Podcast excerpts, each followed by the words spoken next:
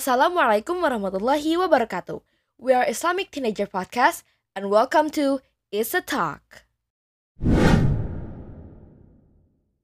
Al-Arba'un Al Nawawiyah Al-Hadithu Tasi' wa Ishrun An Mu'adh bin Jabal radhiyallahu anhu qal Qultu Ya Rasulullah Akhbirni bi'amalin al jannah wa yubaiduni minan nar Qal لقد سألت عن عظيم وإنه ليسير على من يسره الله عليه.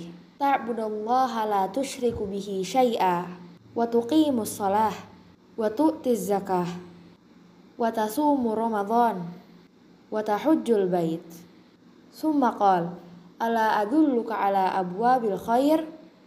الصوم جنة والصدقة تطفئ الخطيئة كما يطفئ الماء النار.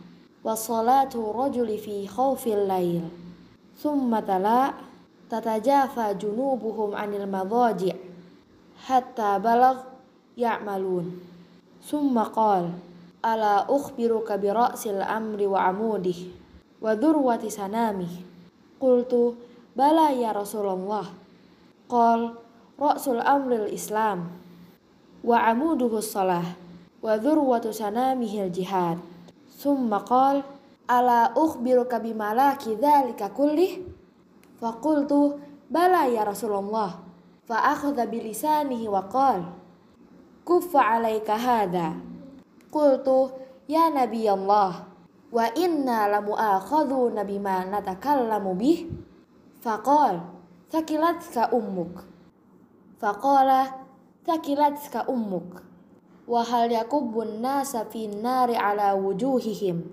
au qala ala manakhirihim illa hasaidu asinatihim. Rawahu tirmidhi wa qala hadisun hasanun sahih. Hadis ke-29. Dari Mu'adhi bin Jabal radhiyallahu anhu ia berkata aku berkata wahai Rasulullah beritahukanlah kepadaku amal perbuatan yang dapat memasukkanku ke surga dan menjauhkanku dari neraka Nabi Shallallahu alaihi wasallam bersabda Sungguh engkau bertanya tentang perkara yang besar tapi sesungguhnya hal itu adalah mudah bagi orang yang Allah mudahkan atasnya engkau beribadah kepada Allah dan jangan mempersekutukannya dengan sesuatu apa pun. Mendirikan sholat, membayar zakat, berpuasa di bulan Ramadan, dan pergi haji ke Baitullah.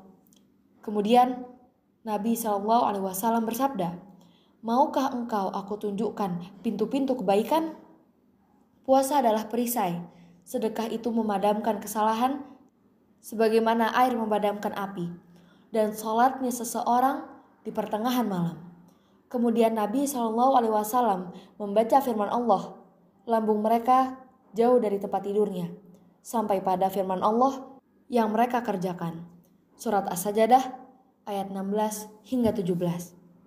Kemudian Nabi Shallallahu Alaihi Wasallam bersabda, Maukah engkau aku jelaskan tentang pokok segala perkara, tiang-tiangnya dan puncaknya?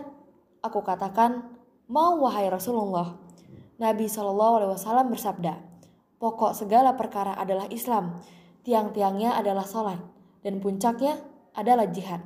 Kemudian Nabi Shallallahu Alaihi Wasallam bersabda, maukah ku jelaskan kepadamu tentang hal yang menjaga itu semua? Aku menjawab, mau wahai Rasulullah. Beliau Shallallahu Alaihi Wasallam menjawab, lalu memegang lidah beliau dan bersabda, jagalah ini.